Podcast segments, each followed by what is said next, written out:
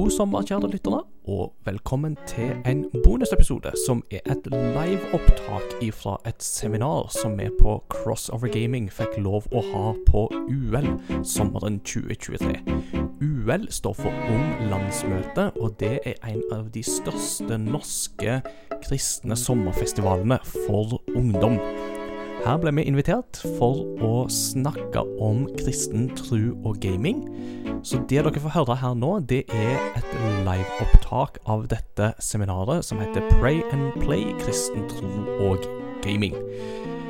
Opptaket er gjort gjennom en indirekte lydkilde, så kvaliteten er ikke all verdens, men det går stort sett an å høre hva som blir sagt, og derfor legger vi ut denne episoden for de som har interesse for det. Om du er typen som heller vil lese manuset, og kanskje òg ha kildehenvisninger til det som blir sagt, så er manuset tilgjengelig på nettsida crossovergaming.no under skriverier. Det er der vi legger våre litt sånne generelle artikler. Nok om det. Nå får du opptak av seminaret. God fornøyelse.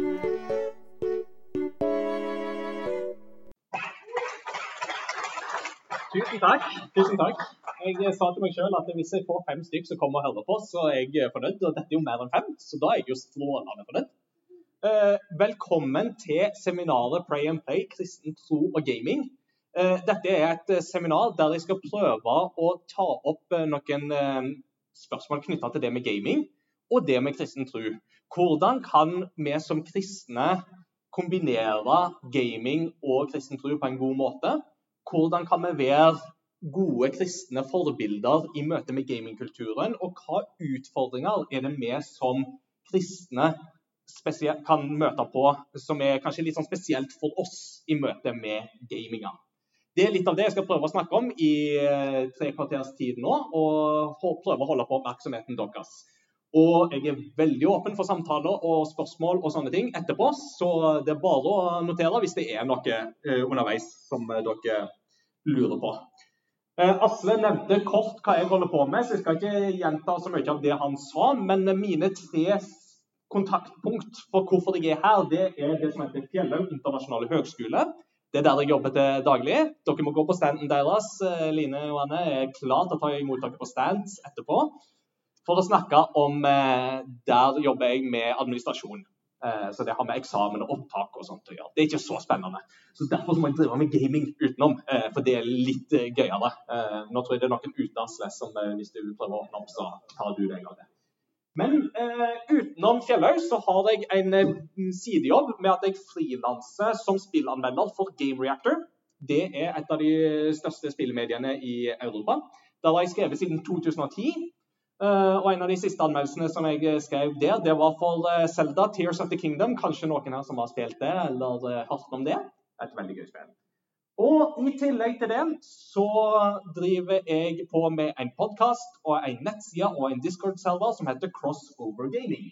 Og som navnet tilsier, det er et sted der korset møter gaminga. Det er et sted der vi i hovedsak snakker om gaming, men der vi òg ikke legger skjul på at vi er kristne, og at uh, som kristne så møter vi gaminga på kanskje en litt annen måte enn det andre gjør. Uh, og Noe av det kommer jeg til å snakke litt om i dag. Uh, før jeg kommer så langt at jeg skal snakke om det med hvordan kristen tro og gaming kan møtes på en god måte, så er det kanskje lurt å spørre hvorfor. For det er vel Noen som kanskje lurer litt på det med at hvorfor skal kristne være opptatt av gaming? Hvorfor skal vi som kristne i det hele tatt drive med spill. Eh, kanskje noen til og med har fått spørsmål eh, med at eh, kanskje du har fått hørt hjemme at ja, denne gaminga den må du ikke bruke tid på, det er bare bortkasta tid. Eller at det, å, nei, du må ikke spille dataspill, for det gjør deg voldelig. Eh, er det noen som har hørt den? Ja, kanskje ikke. Ja, nå det nikkes litt. Jeg hørte iallfall mye den da jeg var så, for 20 år siden. Så var det en veldig aktuell problemstilling. Eh, og Alt dette skal vi komme litt tilbake til. Men på spørsmålet om hvorfor, så er mitt hovedsvar på det er det at vi som kristne vi er kalt til å være vitner i alle områder av livet. Og det må inkludere gaming. Gaming blir bare større og større og større. Det er allerede nå en industri som er større enn filmindustrien og musikkindustrien til sammen i omsetning. Det har det vært siden 2010. Og Det skulle man ikke tro i forhold til den dekninga som film og musikk får i den daglige pressen, men spill er faktisk allerede nå større enn det.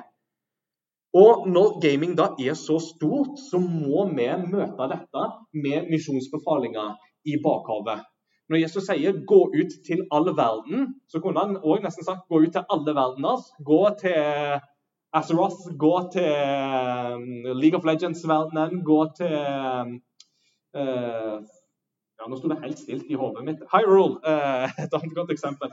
Altså, Misjonsbefalinga stopper ikke med, den, altså, med, vår verden. Den går inn i den digitale sfæren. Vår hverdag den blir mer og mer digital. Og det må vi ha med i betraktning når vi skal tenke kirke og når vi skal tenke kristen tro i dag.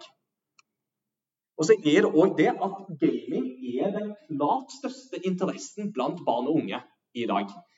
Eh, Medietilsynet har en undersøkelse annethvert år. Da kartlegger de hvor stort gaming er blant ungdommen. Og da er det veldig tydelig at tre av fire i aldersgruppen 9 18 de spiller i en eller annen form. Eh, og det vil si at 92 av guttene de spiller, mens 59% av jentene spiller. Disse tallene kommer vi til å komme litt tilbake til senere. Og På verdensbasis så er det så mye som tre milliarder mennesker som spiller i en eller annen form.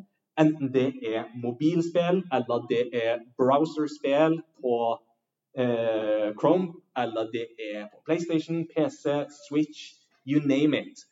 Så når det er så mange som spiller på verdensbasis, så betyr det to ting. For det første, det er en kjempestor misjonsmark. Men for det andre så betyr jo òg det at iblant disse tre milliardene så vil det være noen spillere som har en eller annen tru. Enten det er en kristen tru, eller en muslimsk tru, eller en hinduistisk tru, eller kanskje en tru på at nei, det er noe der ute, men jeg vet ikke helt hva. Og Dette må vi som kirke og vi som misjonsorganisasjon det må vi møte og ha med i tankene når vi skal tenke misjon og kirke i dag. Og Kirka har vært veldig flinke på å bruke både film og litteratur og musikk og den slags i f.eks. ting som konfirmantarbeid og ungdomsarbeid og sånne ting. Kanskje dere har Vi hadde jo I talen i dag så var det jo referanse til film.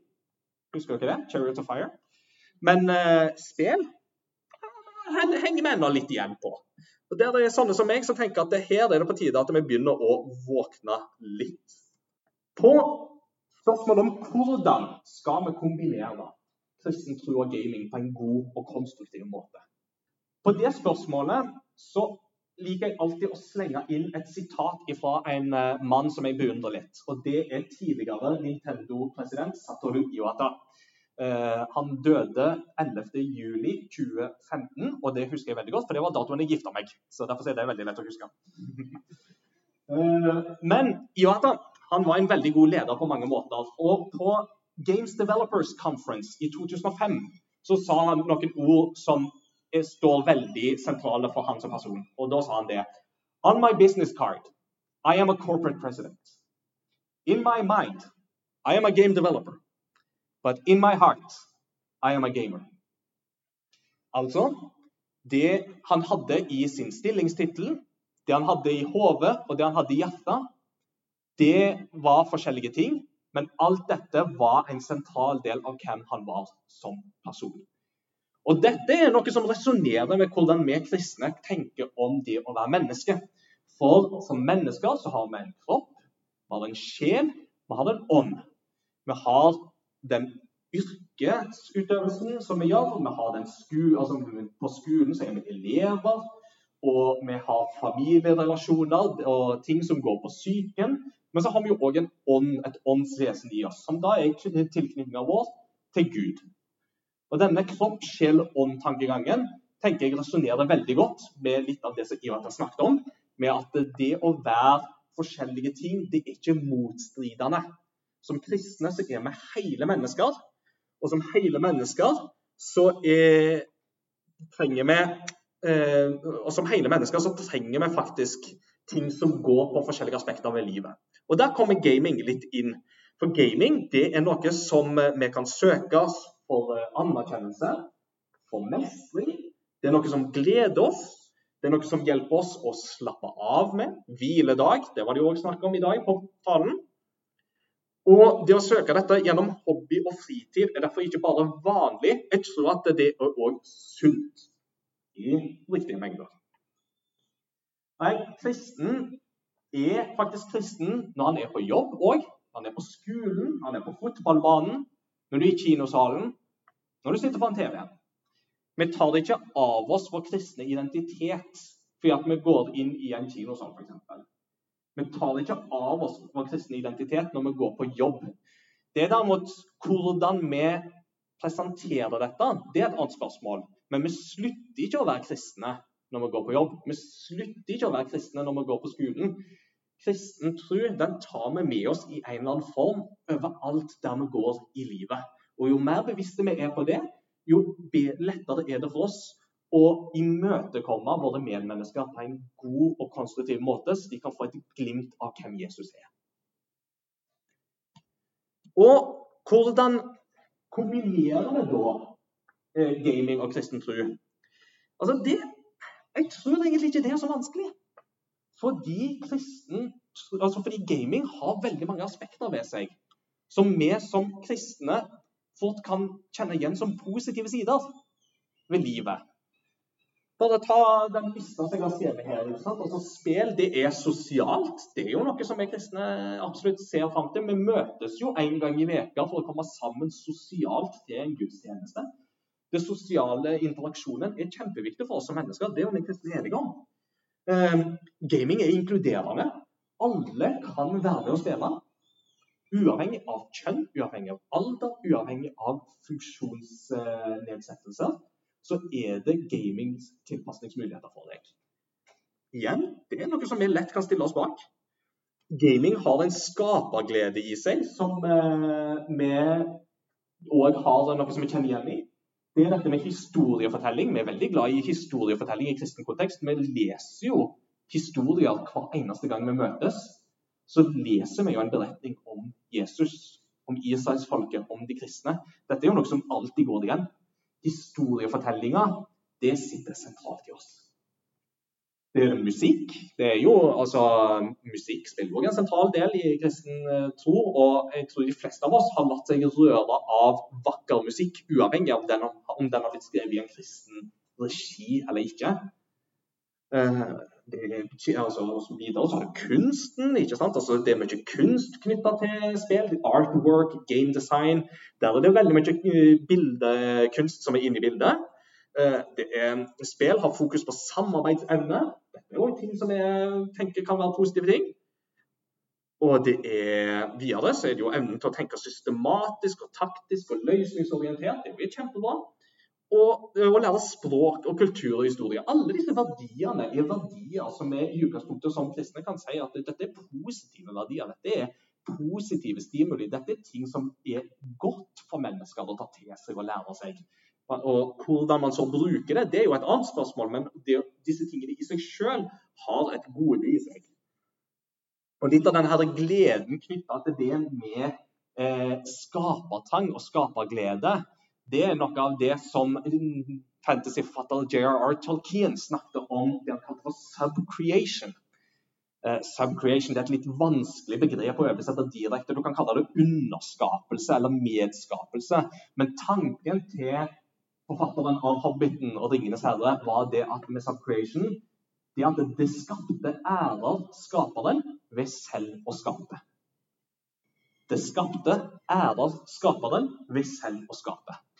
Altså det å delta i en lagingsprosess. altså Gaming har mye kreativitet i seg, og den skapertrangen som ligger der, det er noe gudgitt i oss. Altså, vi skaper rett og slett for å ære skaperen.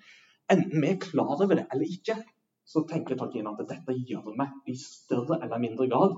Så vil derfor Gud, sånn som han er, kunne gjenspeile oss i kunsten og gjennom det vi skaper. Og Det tenker jeg at spill òg er et uttrykk for. For spill er jo en slags samling av alle kunstformer. Det er musikk, det er historiefortelling, det er bildekunst osv. På mange måter kan du si at spill er den ultimate kunstform. I don't know. Det, jeg drister meg til å si noe sant, iallfall. I tillegg så har spill mange spennende tema for oss kristne å snakke om. Bare for å ta her så har jeg tatt fire bildeeksempler fra fire spill som jeg er veldig glad i.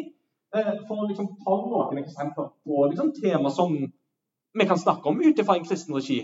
Og jeg tenker at Dette er et tema der jeg tror at de kristne stemmene må være med og snakke.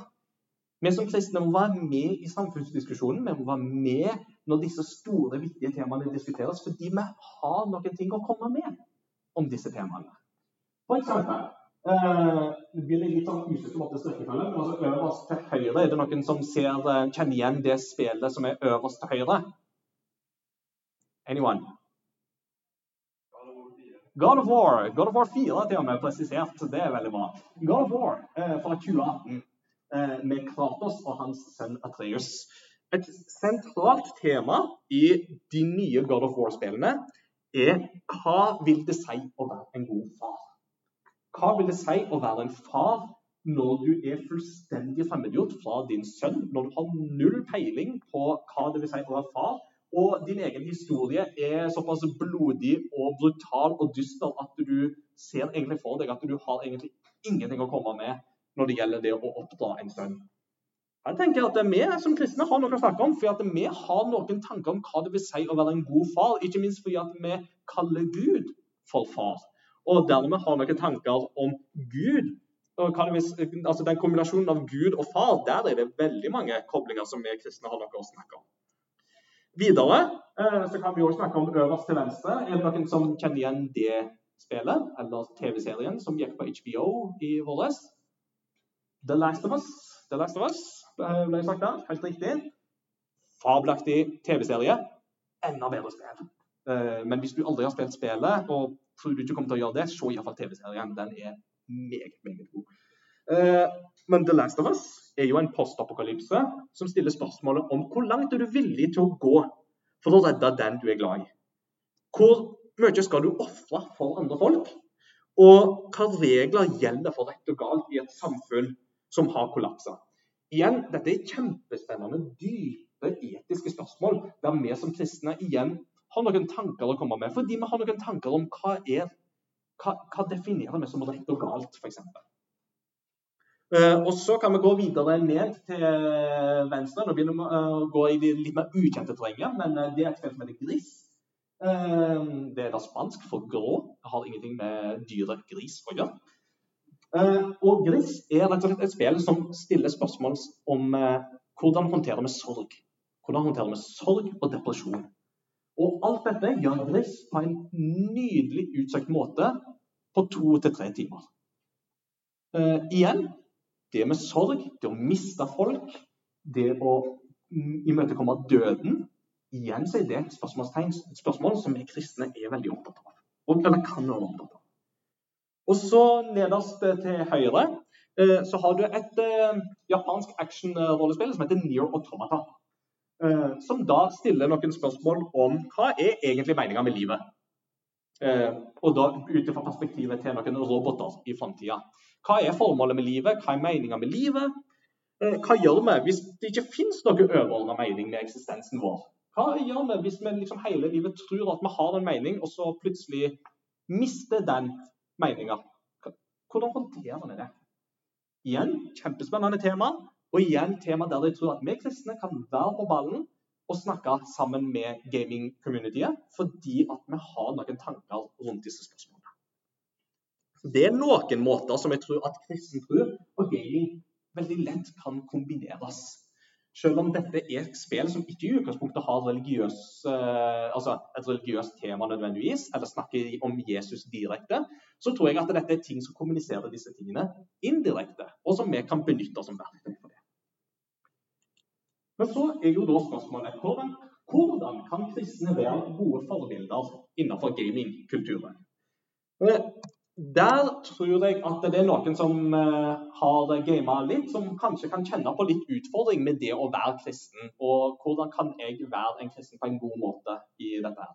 Eller kanskje du sitter og tenker at uh, hm, jeg har lyst til å bruke gaminga inn mot det kristne ungdomsarbeidet. Hvordan kan vi gjøre dette på en god måte for å skape en god kristen atmosfære rundt dette? Her tenker jeg at uh, det må være det som vi kaller for samsvar mellom liv og lære. Altså Det må være match mellom det vi tror på, og hvordan vi lever det livet vi lever. Uh, vi lever på mange måter i det som du kan kalle for et postkristent samfunn. Altså Vi har levd i et samfunn der veldig mange enten har vært kristne eller har hatt en relativt sånn, grei kunnskap om hva kristen tro er for noe. Eh, og så har man gradvis eh, gått vekk fra det, eller mista det. Og nå lever vi i et samfunn der veldig mange egentlig ikke vet så mye om hva kristen tro er. Og kanskje ikke kjenner kristne folk i det hele tatt. Og da tenker jeg at vi kan hente mye inspirasjon fra den første kristne kirke. For da den første kristne kirke ble til, så var det jo heller ingen som visste noe som, særlig om hva kristen tro var, eller hvordan kristne var eller oppførte seg, eller sånne ting. Og måten de måtte vise dette her på, var gjennom å leve et liv som var annerledes. Og det gjorde de bl.a. med å se de svake, de sto opp mot urett, de inkluderte, de hadde en vennlig oppførsel og andre ting som skilte de ut fra omgivelsene sine. Sunt språk er jo faktisk noe som jeg kan inkludere i dette. her. Og som i samfunnet generelt, så tror jeg nå at kristne har et spesielt kall og vi har et ansvar for å stille, stille opp mot urett og urettferdighet. Og da tror jeg at oppførsel har veldig mye å si. For kristen tro så er jo da sånn at når vi har blitt kristne, så merker vi at det er, det noe her som kaller oss til å leve annerledes enn det vi har gjort før. Eh, Jakobs brev 2.26 sier at det som kroppen er død uten ånd, er trua død uten gjerninger. Det er en ganske kraftig kost. Eh, og når Jesus i bergprekenen snakker om at dere er verdens lys, dere er jordas salt, så snakker Jesus om at sånn skal dere la lyset deres skinne for menneskene, sånn at de kan se de gode gjerningene dere gjør, og prise deres far i himmelen. Altså, Jesus er veldig opptatt av at dette livet som vi er inkludert i, det gir noen konsekvenser som andre folk kan se konkret og ta del i.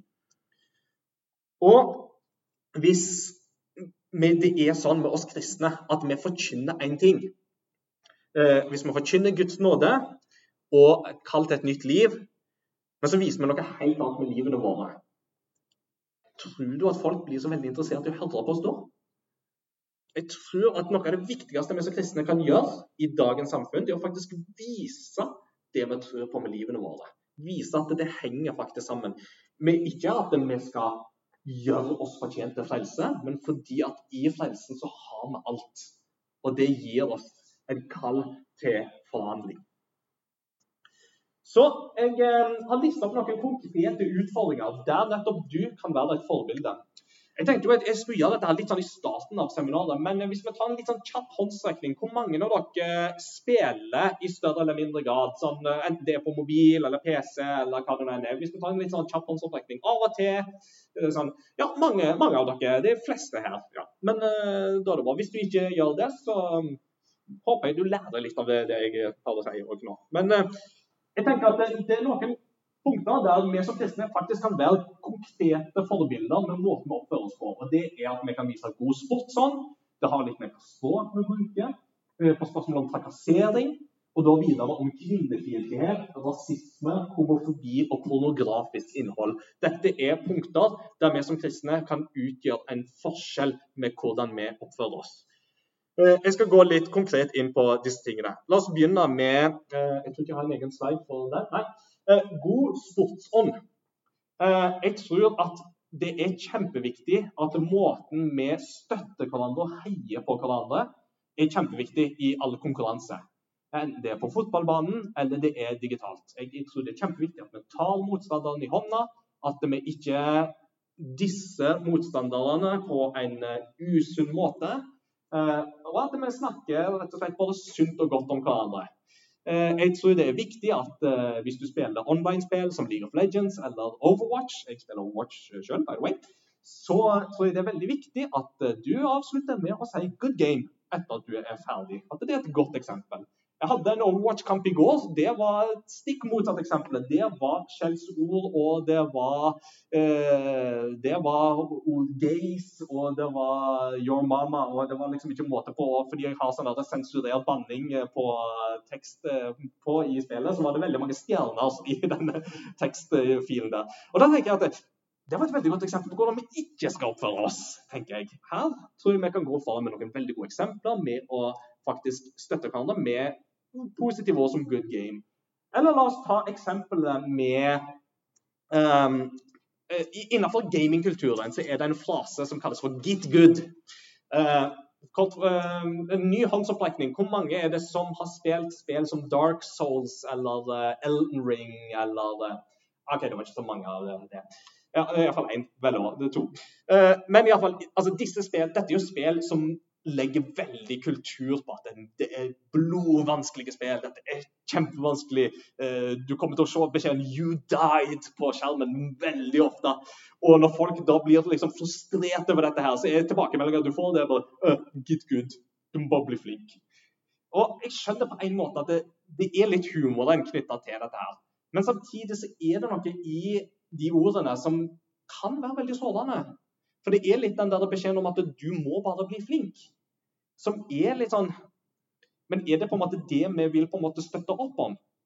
Jeg tenker at det, Kanskje det er bedre å gi konstruktive tilbakemeldinger, gi gode tilbakemeldinger på hvordan man faktisk skal bli flink. Gi noen tips. Eh, eller eh, ta så, Ja, jeg hørte frustrasjonen din. Eh, fortell meg om det som jeg tror kan være litt mer konstruktive, og som kan bygge et litt mer sunt gamingmiljø enn å bare komme med en litt sånn nedlatende kommentar om at ja, du må bare bli flink. For det er jo faktisk ikke alle som har en mulighet til å bli flink heller. Det er Noen folk har begrensninger i livet som gjør at det er begrensa hvor mye tid de kan bruke på det. Eller kanskje du har en nedsettelse som gjør det vanskelig for deg å spille spill i utgangspunktet. Da kan ikke du bare bli flink. Og på språk så var jeg jo inne på det i stad. Men altså bare det å ikke banne og steike og komme med nedsettende skjellsord innenfor gamingkulturen, bare det i seg selv er et kjempemessig forbilde. For, altså, der kan du være et kjempestort forbilde innenfor gamingkultur. Det er ikke til å stikke unna en stol at uh, innenfor en del online gaming så kan språkbruken være relativt tøff til tider. Uh, jeg syns ikke noe om det. Uh, og blir den for hard, så rapporterer jeg det i spill som har rapporteringsmuligheter. For jeg har en tro på at vi bygger et bedre samfunn for alle innenfor disse spillene hvis vi kan bygge konstruktive, gode atmosfærer. Og de konstruktive, gode atmosfærene bygger vi ikke med et negativt språk og skjellsord i hver eneste bilige setning. Og Du kan ikke alltid styre hva andre folk gjør, men du kan styre hva du sjøl gjør. Og Det tror jeg kanskje det viktigste er at du sjøl går foran som et godt forbilde her. I, din, I, den grad du tør å si ifra om ting, så tror jeg òg at det er viktig. Men jeg forstår òg hvis det kan bli vanskelig, men du kan i det minste gå foran med som et eksempel med å ikke delta i den negative språkbruken. Og Så skal jeg gå litt inn på litt mer eh, trakassering og hets. Og dette er ting som kan være veldig tøffe eh, ting å snakke om og høre på. Jeg har veldig forståelse for hvis det er det. Eh, mye med gaming er veldig bra. Jeg snakket om det. ikke sant? Altså, dette er sosiale ting. Men online-kultur kan òg være ganske krass og hatsk. Altså, det er jo ikke bare noe vi ser innenfor gaming. men det er jo sånn altså, Ser du bare på et kommentarfelt eh, til en eller annen nettavis, så ser du at dette her er bare alt på seg. Det er ikke alltid mye konstruktive ting som kommer der. Uh, og Dessverre så er det litt sånn at innenfor online gaming-kultur så er det et trakasseringsproblem. Fem av seks voksne har opplevd netthets i et online-spill.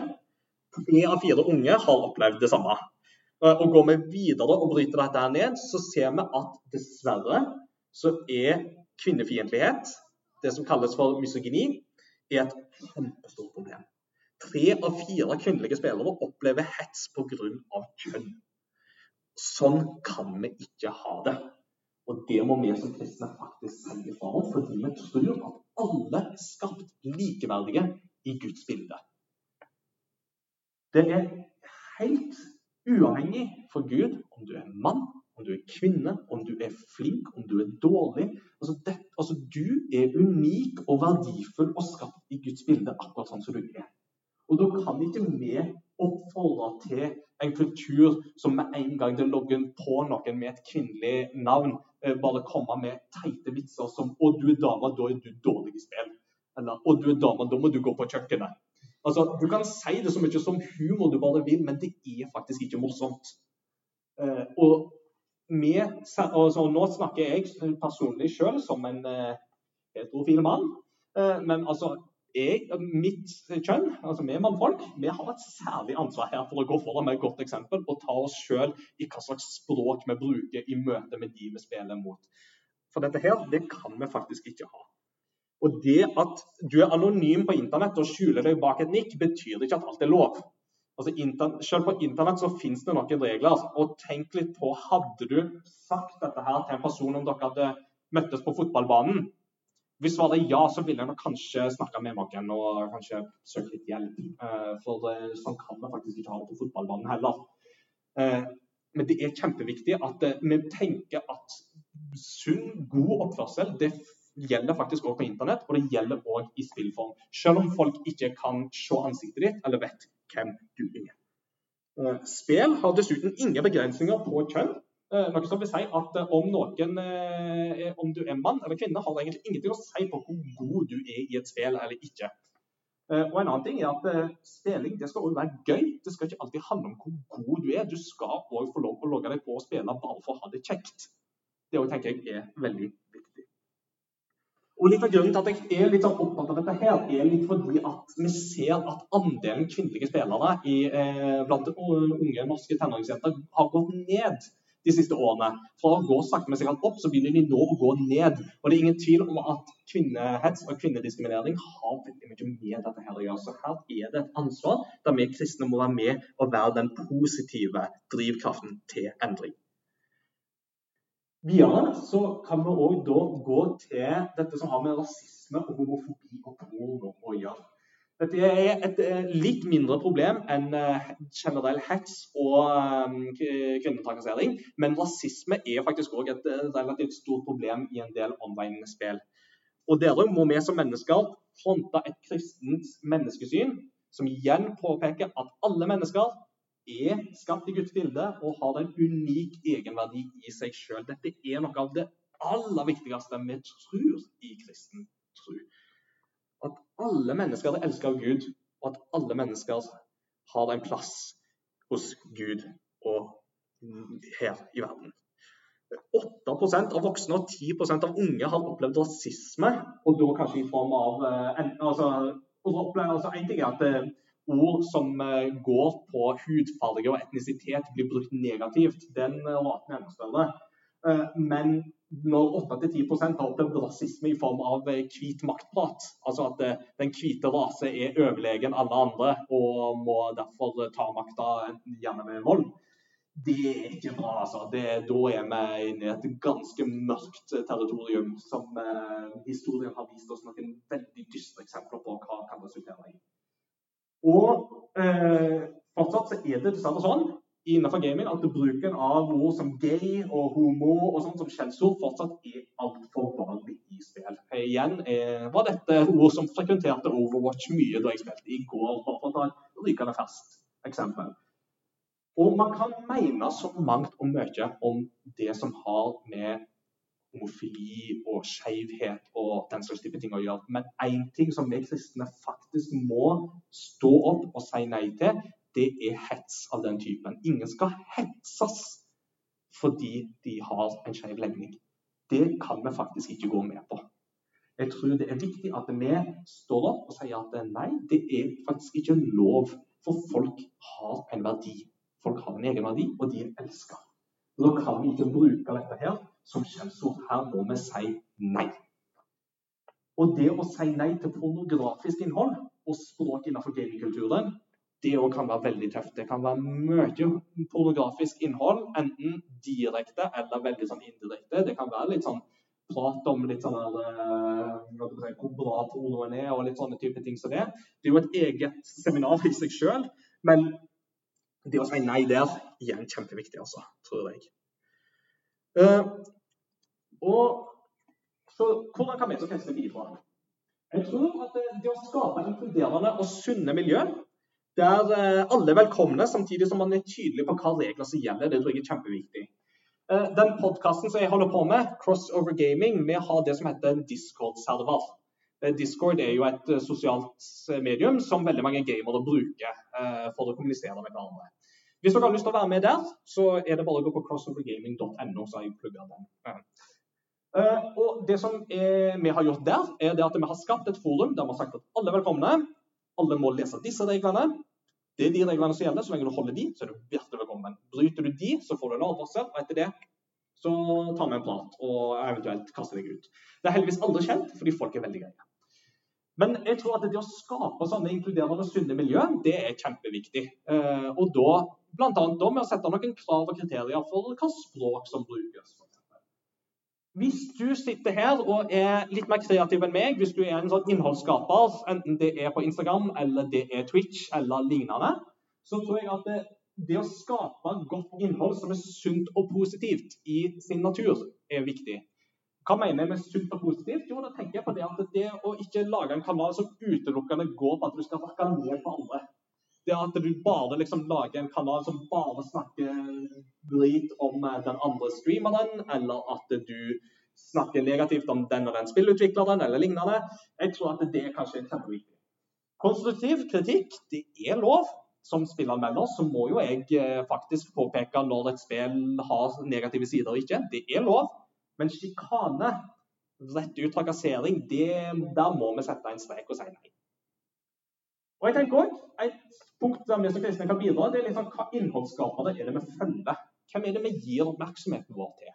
Det gjelder jo litt i livet generelt, ikke sant? men jeg tror at det er en liten forskjell på om vi følger de litt sånn konstruktive skaperne. Altså, mm, jeg, jeg skal ikke snakke meg selv veldig opp her, men eh, jeg, jeg er f.eks. veldig opptatt av en eh, YouTube-kanal som heter Digital Foundry. De lager mye spillrelatert innhold, der de driver med liksom analyse av spillinnhold og snakke om dette ut fra liksom et, teknisk perspektiv. Og Litt av grunnen til at jeg liker de, er at de er ikke sånn at 'Å, dette spillet her, det var så dårlig, nå skal vi snakke dritt om det i 20 minutter', og sånne ting. Fordi at, igjen, det er ikke sunt, tenker jeg. Eh, altså, er det Logan Paul vi følger, eller er det um, de mer sunne um, forbildene? Jeg tror det er litt viktig. Jeg ser at tida begynner å renne ut, så jeg skal skru opp um, farta litt. Men hva utfordringer kan vi som kristne konkret sett møte på? Dette er liksom det siste punktet. Uh, en av de kanskje mest utfordrende punktene er nettopp det med hvordan blir kristne framstilt. Der er, kan det være litt sånn ymse, uansett i media. Men innenfor spillindustrien så tenker jeg at det Jeg opererer ofte med liksom fire kategorier her. og tenker at liksom Religion generelt det blir stort sett faller inn under en av fire kategorier. Enten så er religion fullstendig fraværende, det er sånn som i Super Mario eller i Fifa eller Minecraft og sånt, så har egentlig religion ingenting å si. Men det er sånn, ok. Og så har du religion i en historisk kontekst. Hvis du spiller spill som er satt til type en historisk periode, hvis du spiller Civilization eller Europa Universalis, Age of Empires Sånne spill som er satt til på en måte veldig sånn historiske epoker, så kan øh, religion forekomme da. Gjerne sånn deskriptivt, men av og til litt sånn med kanskje en litt sånn spesielt øh, vinkling på selve religionen. Og så har du religion som mytologisk bakteppe. Det er et litt sånn mystiske ord, men det er sånne settinger der du har eh, altså du har en fantasy-setting, og så har du bygd en religion inn, i, rundt det. Altså det er jo eh, I diverse fantasy-univers så har du jo f.eks. det. Altså I Game of Thrones så har du jo f.eks. flere eh, religiøse retninger, eh, som et eksempel. Um, og så har du da det som er bare kalt liksom, religion som en negativ faktor. og Det er liksom de kategoriene der du merker at religion er farlig, religion er undertrykkende eller negativt på andre måter. og De slemme de er ofte motivert av liksom, religiøse intensjoner. Så Hvis du er religiøs, så er du utdatert, eller du er gammeldags, du er ignorant eller du er irrelevant. Så du er rett og slett litt farlig. Jeg tror f.eks. Assassin's Creed kan være litt i den kategorien der. Og, altså, Ikke misforstå. Jeg tror det er godt å belyse negative sider ved religion. Det skal vi som kristne tåle. Hvis vi tror på at det vi tror på er sant, så tåler vi at sannheten får noen spørsmål stilt ved seg. Men eh, det kan være litt slitsomt. for en kristen hvis dette er det vi møter hele tida. Hvis vi, det vi tror på, alltid blir skildra som noe skummelt eller noe fordummende. Heldigvis så finnes det noen positive unntak. Det var ikke så lett å se i dette lyset her, men altså, jeg har tatt med noen eksempler på positive unntak. Um, et spill som heter Mass Effect Andromeda. Uh, spillet i seg selv var dessverre ikke så bra. Uh, litt skuffende for meg som var veldig glad i trilogien seg før. Men en rollefigur som jeg likte veldig godt i Mass Effect, det var hun som heter Suvi. Mass Effect det er et spill der du eh, altså Man er i framtida, man er i verdensrommet og litt sånne ting. Og i det spillet så har man reist til Andromeda-galaksen, som er vår nærmeste nabo. Og hun som da er chief scientist på, på skipet ditt, så, så, hun som leder forskninga, hun er veldig opptatt av at hun, hun tror på Gud. Altså hun, tror, hun snakker ikke direkte om den kristne Gud, men hun snakker om det at jo mer av universet hun utforsker, jo mer i på en måte de vitenskapelige mysteriene hun går inn, jo sterkere blir troen hennes på Gud. Og det er sånn, oi, det er jo litt motsatt, for det vi ofte hører, det er jo den der med at å, religion og tro, det, altså, tro og vitenskap, det passer ikke sammen. Men Suvi i likhet med meg sier at nei, det er ikke tilfellet. Det er heller motsatt. at Jo mer vi lærer om hvordan universet faktisk fungerer, jo dypere inn i Guds mysterium trenger vi inn. Så spennende. Uh, og så har du øverst til høyre der, så har du et spill som heter The Forgotten City. Det var et kjempegøy spill da det kom uh, nå for halvannet år siden. Da havner du i en uh, romersk by for sånn ca. første århundre der du må løse et mysterium fordi at alle blir eh, forvandla til, til, stein på et eller annet tidspunkt fordi noen begår en synd. Og Det er liksom aldri spesifisert hva denne synden faktisk er for noe. Og Da må du gå rundt i denne byen. Du må snakke etikk, du må snakke moral. Du, må, du møter noen som har blitt kristne i dette her, faktisk. Så du snakker faktisk kristen tro med noen som lever i på en måte det første århundret. Og på en tid der kristen tro faktisk var forfulgt, og det å være kristen var noe som involverte risiko for deg. Det er kjempespennende. At du kan bygge et helt mordmysterium knytta til spørsmålet hva er synd for noe. Og Det er et spill som er laga av tre personer. Kjempebra. Og det fikk anerkjennelse over hele fjøla. Ikke bare liksom folk som meg som syns dette er gøy, men altså, altså gamer.no, helt vanlig eh, norsk spillende side, ga det ti av ti. Jeg bare nevner det. Uh, og så har du nederst til venstre her, så har du et spill som kommer som heter Gate Zero. Det er et kjempespennende spill som utvikles i Norge. Der du reiser tilbake til Jerusalem på Jesu tid uh, for å utforske litt uh, ting og tang. Det er utvikla med Brunstad Christian Church. Arve Solli han var i bransjen der. Hvis dere vil høre mer om det, så har vi i Crossover Gaming en egen episode der vi snakker om dette spillet. Igjen, dette er kjempelovende potensial. Og, og spill som Red Dead Redemption 2, et eh, westernspill som eh, liksom Ja, western det er litt sånn ri rundt, og det er litt eh, skyting og litt sånt involvert i det. Men på et tidspunkt så har du en veldig sterk scene i dette spillet der han hovedpersonen sitter og har en samtale med en nonne og snakker rett og slett om dette med livet sitt. Altså, det ligger jo i navnet. ikke sant? Redemption. Altså forløsning. Det å bli, holdt på å si, få, holdt på å si, kunne bli fridd ut ifra synd. Og Det, snakker, det han snakker litt om, om da, det er at det kan en kriminell som han Er det noe håp for han? Kan han faktisk snu om på livet, eller er det for seint på en sånn person som han? Dette med hvor mye tid vi bruker, det går litt videre på andre utfordringer. Men eh, altså, dette med tida ikke sant? Altså, Kanskje noen har fått høre at du har spilt for mye. Eh, så for alt annet i livet, balanse er rett og viktig. Og spill er en kjempebra måte å koble av på og det er viktig at vi pleier kroppen med trening, sosiale relasjoner, altså ansikt til ansikt, ikke bare digitalt, og åndelige fellesskap. Og så, hvor mye tid du skal bruke på gaming, det er ikke noe fasitsvar på dette. her. For det kommer litt an på hvor mye tid du faktisk har til rådighet som person. Altså, Har du tre barn og kone og full jobb og masse verv på fritida, så er ikke det å spille en halvtime veldig mye. Altså, Da er, det, da er du heldig. Men uh, har du, um, er singel og ikke har så mange forpliktelser, og sånn, så er det liksom ikke gitt at det tre timer er så mye, det heller. Altså, det kommer litt an på deg som person.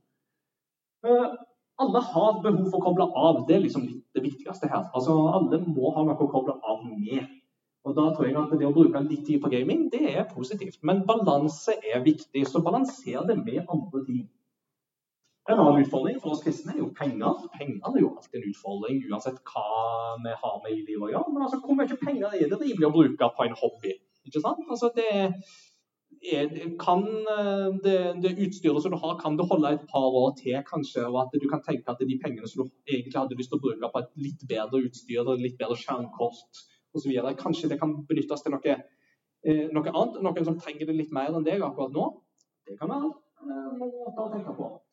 Men et annet punkt der vi som kristne òg må være med litt i samtalen, det er de etiske utfordringene knytta til ulike betalingsmodeller som finnes i spill. Så Hvis du har spilt et mobilspill, så har du sikkert fått opp en sånn å, du kan kjøpe 100 blinks for uh, eh, 10 ekte kroner. Da går du mye fortere i dette mobilspillet. Eller så må du vente 12 timer eller 24 timer osv. Det er det vi kaller for mikrotransaksjoner. Og En del av disse betalingsmodellene er litt sånn kyniske. Eh, de lurer litt sånn penger utover, sakte, men sikkert. Og der tror jeg at eh, det, det, det er nok litt sånn over hodet på de fleste av oss, men det å snakke om uh, etiske utfordringer knytta til dette, jeg tror det er viktig. Og der kan vi være litt med. Uh, og så er det jo det der med vold, da. ikke sant? Altså, Video game causes violence er jo det vi alltid høre. ikke sant? Og så sitter jeg bare der og restarter spillet mitt fordi at den ene personen jeg snakket med i spillet, ble lei seg fordi at jeg sa den ene tingen i det spillet. Så det vil ikke at den datafiguren skal bli trist. Så da må jeg laste det på nytt igjen.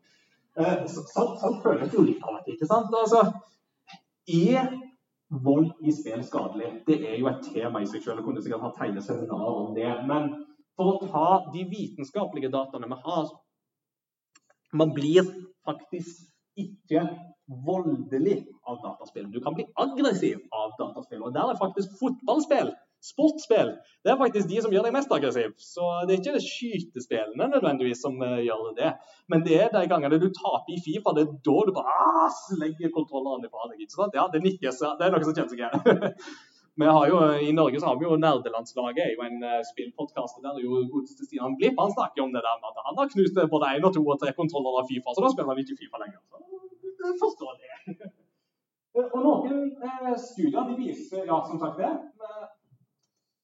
Altså, litt av grunnen til at mange av oss tror at voldelige dataspill gjør oss voldelige, er litt fordi at dette er en sånn hypotese som ofte slenges ut i media eh, i tide og utide. Og da f.eks. gjerne i USA, og da gjerne når det har vært f.eks. en skolemass, altså en skytetragedie et eller annet sted.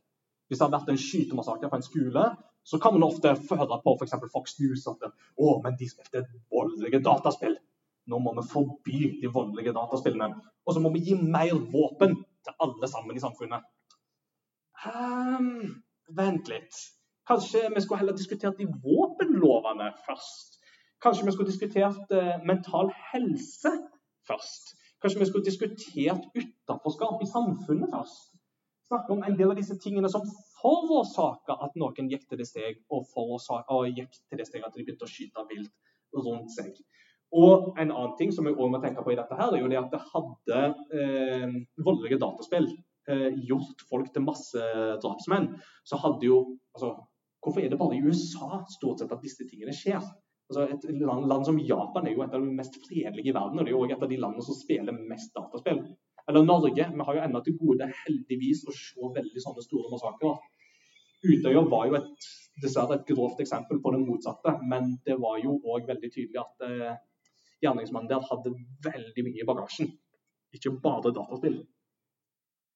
Eh, så dette her med hvordan vold skildres i dataspill, det er nok et viktigere spørsmål for oss å stille oss. Er volden bare gladvold, eller har volden en intensjon?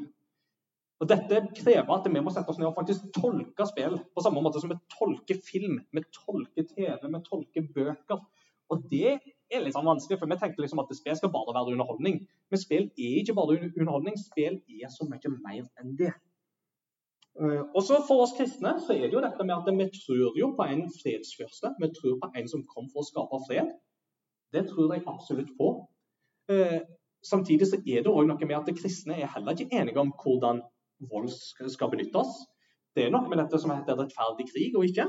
Det Eh, der, der er ikke kristne nødvendigvis enige, så her er det lov å være uenige oss mellom òg. Og helt til slutt også, eh, litt om dette her med påvirkning. Det er et eget seminartema i seg selv, så Asle får notere det, sånn at jeg kan komme tilbake til neste år og snakke om dette her. Eh, men altså, spillforum og chatter det kan ha mange konspirasjonsteorier i seg som vi må være litt oppmerksomme på. Eh, det kan være veldig lett at vi blir dratt med av trender og sosiale medier, fordi at eh, dette som heter algoritmer, tar oss gjerne med ned i et hull eh, av liksom, ting som bare bekrefter den ene faktoren som du har blitt utsatt for. Og Det er det som på engelsk kalles for confirmation bias. Det vil si at kontroversielle meninger det dukker ofte lettere opp på nett fordi at det gir flere seere og lesere. Og Jo mer du klikker deg inn på den slags type ting, jo mer av dette vil du da få servert. Så Det vil f.eks. si at når jeg søker en ting på Google, så betyr ikke det at eh, Sindre får det samme treffet på Google når han søker, fordi vi har forskjellige historikker på hva man klikker oss inn på og ikke. Det er en sånn ting som eh, vi som kristne må ha med i betraktning, inkludert når det gjelder gamingrelatert innhold og ting som kan dukke opp i gamingrelaterte forum. Uh, og jeg tror at det er viktig i dette her at vi skaper trygge rom for meningsutveksling og for meningsmangfold. Uh, si at det er lov å komme liksom, og stille de gode spørsmålene til folk som du er trygge på. Altså trygge voksne, eh, trygge venner, eh, trygge ledere eh, og, og sånt. Og Trygge rom betyr ikke at du ikke skal holdt på å si, aldri møte noe si, motstand for det du tror og mener, men at du kan møte dette på konstruktive og saklige måter. Og så, da er det viktig at vi tenker kildekritisk, at vi søker råd hos gode voksne. Uh, dette vet dere kanskje bedre enn meg, for dere er en yngre generasjon enn meg. men altså, TikTok og YouTube og Instagram er faktisk ikke nødvendigvis de beste informasjonskildene. Nettopp fordi at uh, det er ting som går på dette her med at det vil på en måte generere mest mulig treff med å skape mest mulig kontroversielt innhold. Og så ledes du inn i the rabbit hole, som det gjerne kalles. ikke sant? Du går dypere og dypere ned i et høl av uh, litt sånne destruktive krefter. Så her eh, gjelder det å ha noen eh, meninger og tanker eh, med seg som kristne. Og det er egentlig det jeg har å si om gaming og kristen tro. Nå har dere sikkert masse dere har fått å tenke på. Jeg håper at noe av det er konstruktivt. Hvis noe av det du hørte om i dag, at du har spørsmål knytta til det, så jeg, jeg kommer til å henge litt på området senere i dag. Ellers er det veldig lov å ta kontakt, enten med meg direkte, du finner navnet mitt i UL-programmet, eller du kan gå til crossovergaming.no f.eks. Der finner du lenker til eh, Discord-serveren vår, til Facebooken vår osv. Som er veldig lett å ta kontakt med hvis det er noe dere vil snakke om der. Men for nå så tror jeg at jeg bare sier tusen takk for meg.